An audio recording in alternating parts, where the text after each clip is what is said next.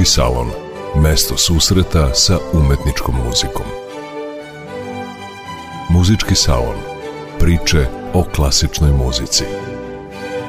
Muzički salon. Dobroveče, dragi slušalci. Ja sam Jovana Golubović, a ovog utorka nastavit ćemo da slušamo muziku romantizma sa skandinavskog područja. Prvu oktobarsku emisiju posvetili smo Edvardu Grigu, a u novembarskoj govorit ćemo o njegovom savremeniku Janu Sibeliusu, najznačajnijem finskom kompozitoru. Njih dvojica predstavljaju najznamenitije autore druge polovine 19. veka na skandinavskom poluostravu, u Sibeliusovom slučaju i prve polovine 20. pošto je živeo od 1865. do 1957. godine.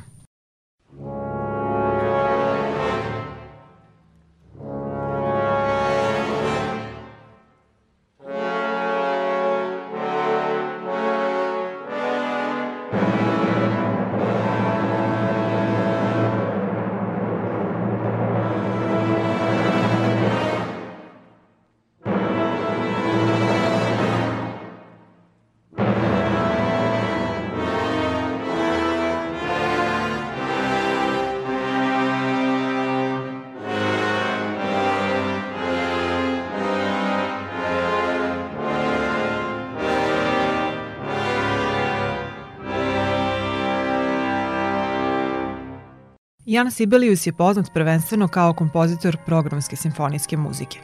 Jedno od takvih ostvarenja, poema Finlandija, čiji smo početak čuli, komponovana je 1899. za potrebe političkih protesta, odnosno za skup podrške slobodi finske štampe koju je tada kontrolisala carska Rusija.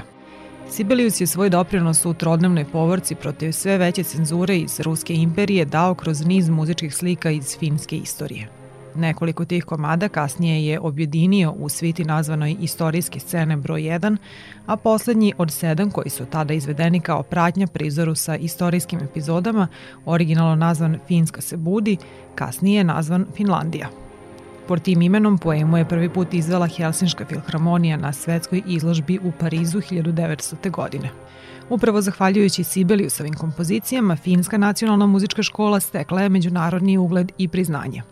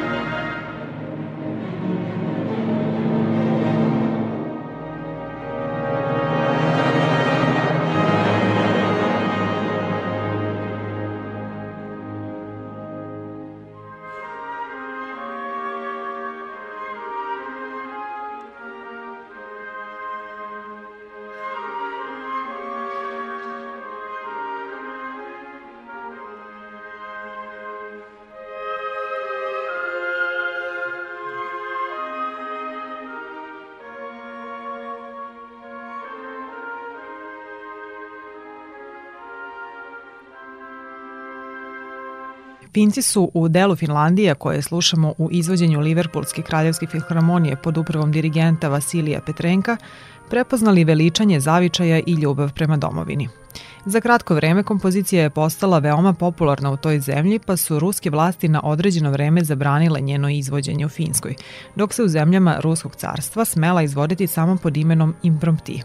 Ime Finlandija vraćeno joj je posle 1905. nakon popuštanja ruskog pritiska.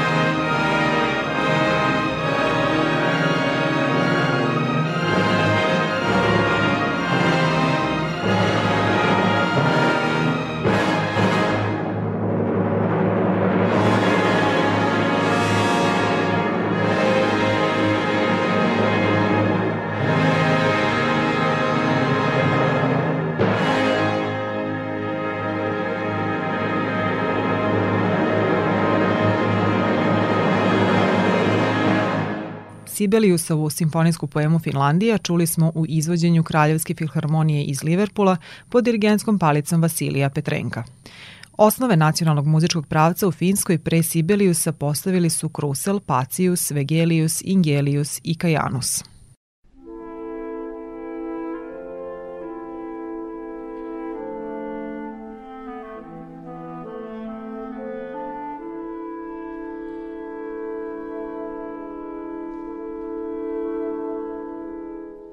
Sibelius je bio učenik prve škole u kojoj se govorio finski jezik u zemlji koja je tada bila pod ruskom kontrolom.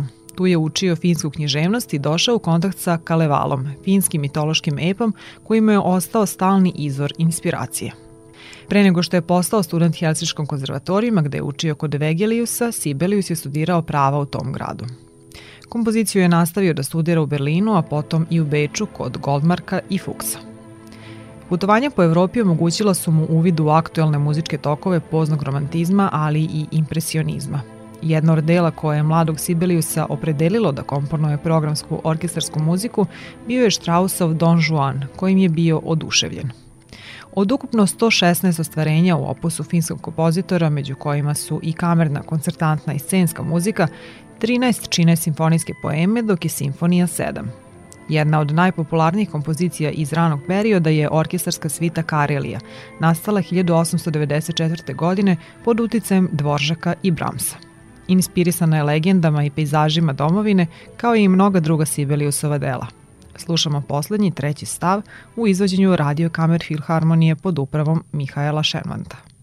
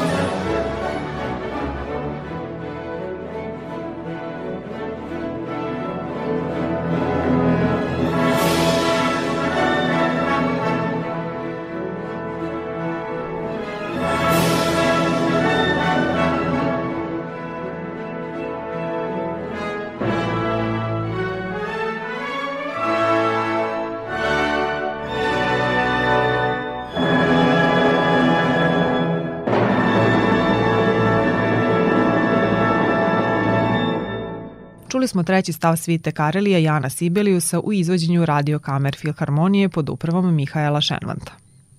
Orkestarske kompozicije narodnog finskog duha proslavile su Sibeliusa na internacionalnoj sceni.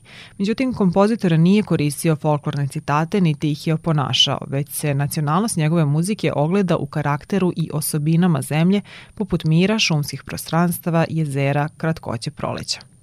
Svest o veličanstvu prirode, intimni doživljaj svakodnevice, igra mašte u narodnim legendama jesu glavna polazišta Sibeliusovog stvaralaštva, u kojem su Finci videli svoju nacionalnu umetničku muziku.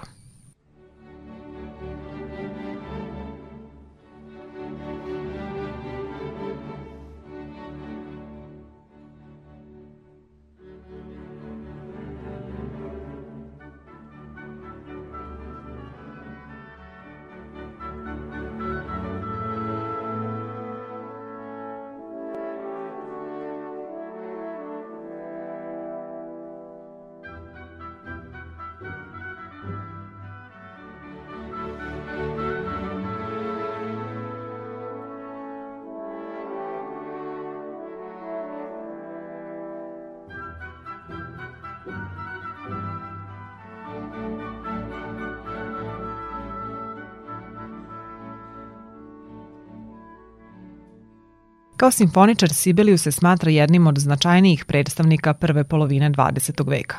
Njegove simfonije nastale od 1898. do 1924.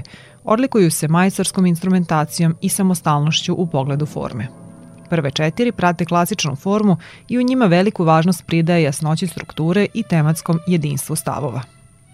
Prilikom posete Helsinki u 1907. godine Gustav Mahler je Sibeliusove simfonije opisao sledećim rečima – Divim se stilu i čvrstini forme, a naročito logici kojom gradi unutrašnju povezanost između svih motiva.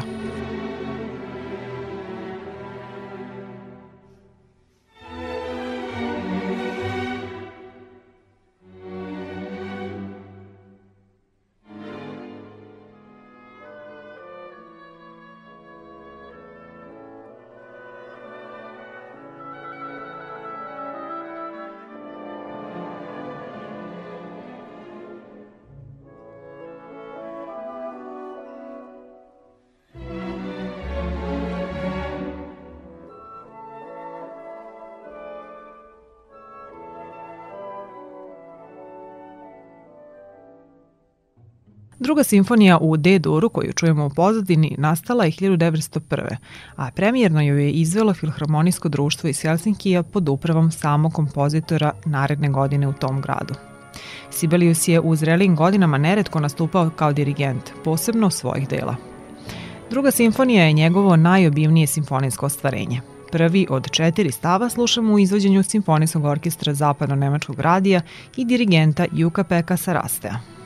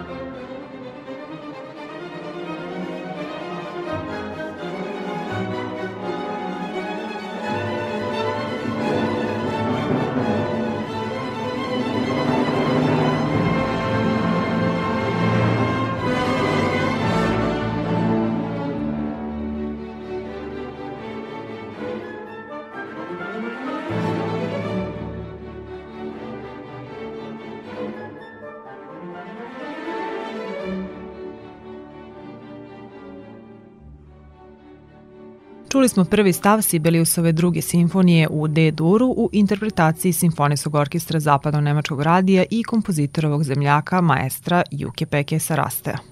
Kada je počeo da je komponuje u Italiji, zapisao je sledeće. Prema mom mišljenju, kompozicije su kao leptiri. Dodirnete li ih jednom, njihova magija nestaje. Ipak neka svoja dela je i prepravljao, poput pete simfonije u D-molu. Nastala je 1915. Prvi put ju je preradio 1919. a drugi 1937. godine. Poslednju, sedmu simfoniju u C-duru kompozitor je napisao 24. 33 godine pre smrti. Uobličena kao jednostavačno delo, premijerno izvedeno u Stokholmu 1925. ona predstavlja apoteozu simfonijskog načina mišljenja kompozitora.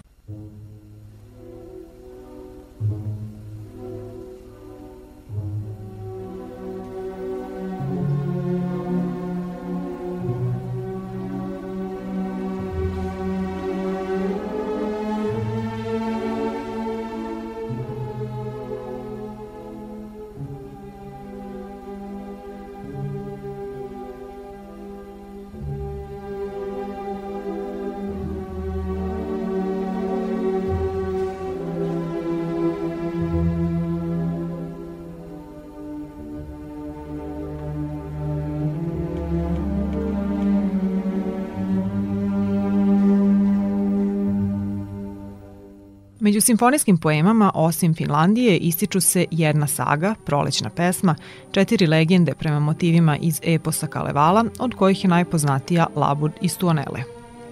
Kalevala je inspirisala i poeme Pohjolina čerka, Prirodna žena i Tapiola. Čuvena narodna epska poema iz 19. veka bila je nadahnuće i za stvaranje kompozicije nazvane Kulervo, po istoimenom junaku u kojoj su opisani različiti periodi iz njegovog života. To petostavačno vokalno-instrumentalno delo iz 1892. godine kompozitor je namenio sopranu, baritonu, muškom horu i orkestru. Najpoznatije Sibeliusovo scensko delo je tužni valcer iz drame Smrt Arnasa Jernefelta koje čujemo u pozadini. Za violinu je finski kompozitor napisao jedan od najlepših koncerata, što nije slučajno. Bio je odličan violinista i jedno vreme je radio kao profesor violine, ali i teorije muzike.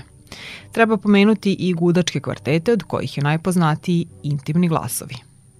Komponovao je i za klavir, za violinu i klavir, kao i solo pesme.